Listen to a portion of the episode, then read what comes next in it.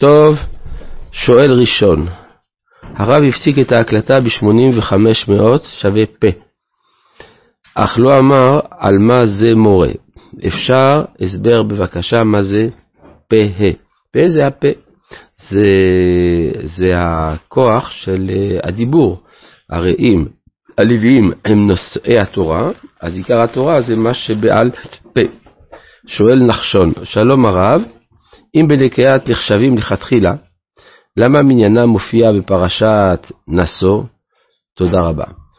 כי אי אפשר לשים גם, הרי המניין נמצא בהמשך של, של הסיכום. אחרי שסיכמנו את הכל, אז אנחנו מונים גם את המספרים. אז אי אפשר לשים את זה שם, פשוט מאוד. אמ, אנחנו בפרק ה', בפסוק ה', בספר במדבר, וידבר השם אל משה לאמור, דבר אל בני ישראל. איש או אישה כי יעשו מכל חטות האדם, למעול מעל בשם ואשמה הנפש ההיא. אז מה זה המעילה הזאת? זה אשם גזלות. אנחנו נראה שאדם גזל את חברו. שאדם שגזל את חברו צריך לשלם. אבל אם הוא גם נשבע על שקר, אז הוא צריך גם להוסיף חומש. למה? כי ברגע שאדם נשבע, אז הוא כבר אה, מערב שם שמיים. כל שבועה, גם אם לא מפורש הדבר, זה שימוש בשם שמיים, באופן מובלע, באופן מובנה. ולכן, זה כאילו הוא פגע בקודש. כיוון שפגע בקודש, צריך להוסיף חומש כפי שמקובל בכל מעילה בקודש. והתוודו את חטאתם אשר עשו, והשיב את אשמו בראשו, וחמישיתו יוסף עליו. כלומר, הוא צריך, על מה שהוא מחזיר, צריך להוסיף חומש. הוא גם, זה אחד מהמקורות גם למצוות וידוי על החטא, והתוודו את חטאתם, ונתן לאשר אשם לו. ואם אין לאיש גואל, להשיב האשם אליו, האשם המושב לשם, לכהן, מלבד אל הכיפורים אשר יכפר בו עליו. איפה מוזכר אל הכיפורים? בפרשת ויקרא. אבל לא כל כך מובן מה זה אין לאיש גואל. כן, חז"ל שואלים, רש"י מביא את זה, איך יכול להיות שיש אדם שאין לו גואל? הרי אין אדם שאין לו קרוב משפחה בישראל עד יעקב אבינו, אלא מדובר בגזל של הגר.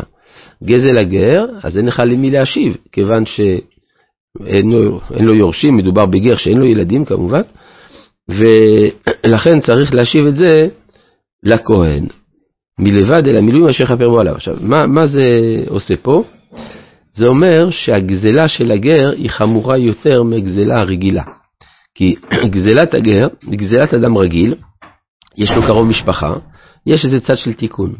לעומת זה, הגר הוא אדם שכל מציאותו בעולמו של עם ישראל זה מצד אהבת השם. למה הוא התגייר? הרי הוא לא היה חייב, הוא היה שייך לאומה אחרת. והוא החליט להצטרף אלינו, ולכן כל עניינו של הגר זה שם שמיים. ולכן נאמר שהקדוש ברוך הוא אוהב גר. אז בפגיעה בגר זה גם פגיעה בקודש. לכן זו הדוגמה שהובאה כאן בהקשר של פגיעה בקודש. ועכשיו, הוא צריך להביא קורבן אשם, האדם. עכשיו, מה זה אומר? זה מה שהתחלנו להסביר, שלפעמים המצב המדורדר של האדם בא בעקבות ריחוק מן הקודש. אז אדם שכבר לא שם לב למשמעות שם שמיים, או איננו מבין מה הערך של הגר, אז מביאים אותו אל המקדש. מה יקרה במקדש? הוא יפגוש שם שמיים שם. שכינה שורה במקדש, והדבר הזה יתקן את דרכיו. לכן הוא צריך אה, גם אה, להביא את אה, קורבן האשם, כדי שתהיה לו איזו סיבה, כלומר סיבה עקרונית, הוא צריך להביא את הקורבן, אז יש לו סיבה להיכנס אל המקדש. וזה לעומת מה שמצאנו לגבי הטמאים, שהטמאים, הקרבה שלהם אל המקדש מסוכנת עבורם. כאן מדובר באדם שצריך להתרגל אל הקודש, ולכן מביאים אותו אל המקדש, ולכן יש כמה הלכות שקשורות פה למה שניתן לכהן. הכהן גם הוא מייצג את המקדשיות. אדם פוגש כהן, אז הוא זוכר אותו מהתקופה שבה הוא עלה לרגל. אני עליתי לרגל, ראיתי אותך עובד במקדש.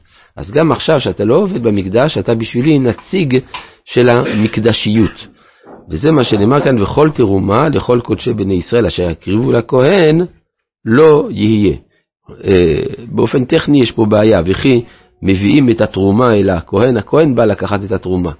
אז מה זה אתה מביא לכהן? אלא חז"ל אמרו שמדובר פה על, על הביקורים. הביקורים זה תרומה שמביאים למקדש, בפרשת כי תבוא כתוב שמניחים ליד המזבח, אבל לא כתוב מי זה שאוכל את זה. אז לכן זה נאמר, לא, שזה לכהן. ואיש את קודשיו לא יהיו, איש אשר ייתן לכהן לא יהיה.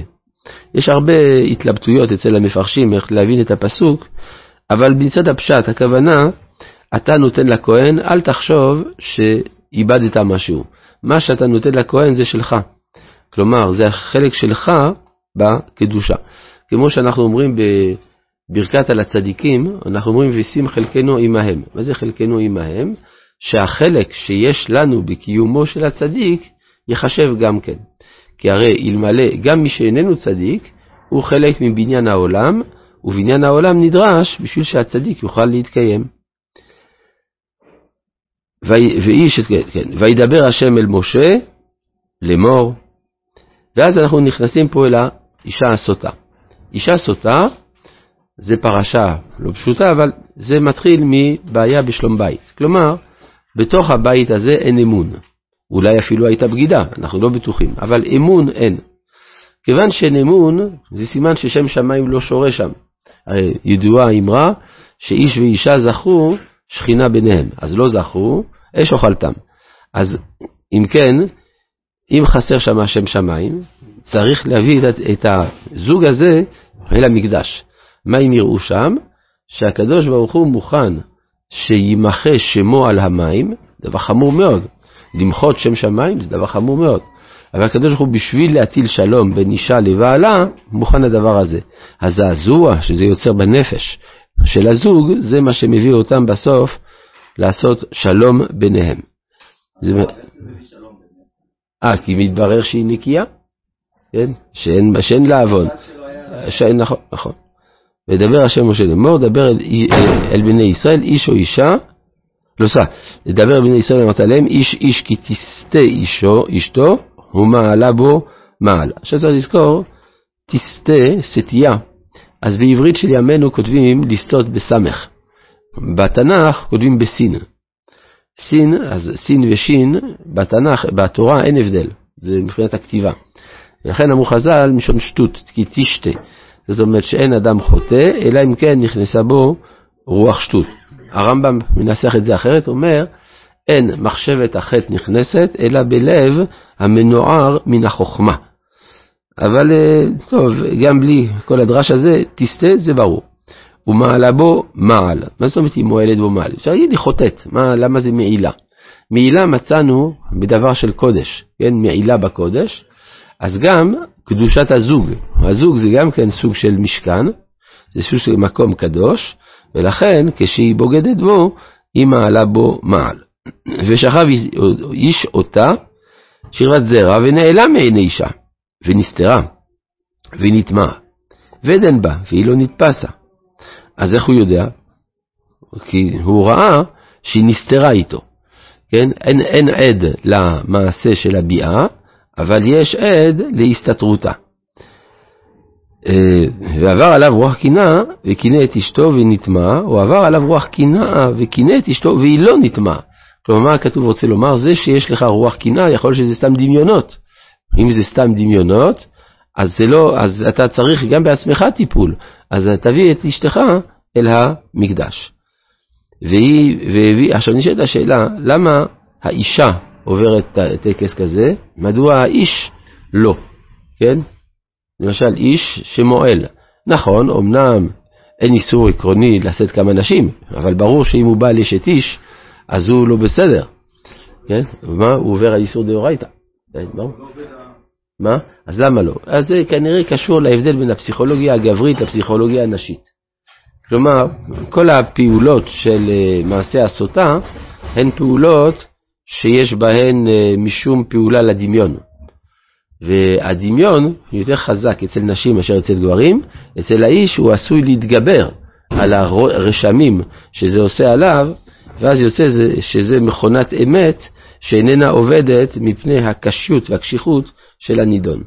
רבי חנניה בן הקשיא אומר,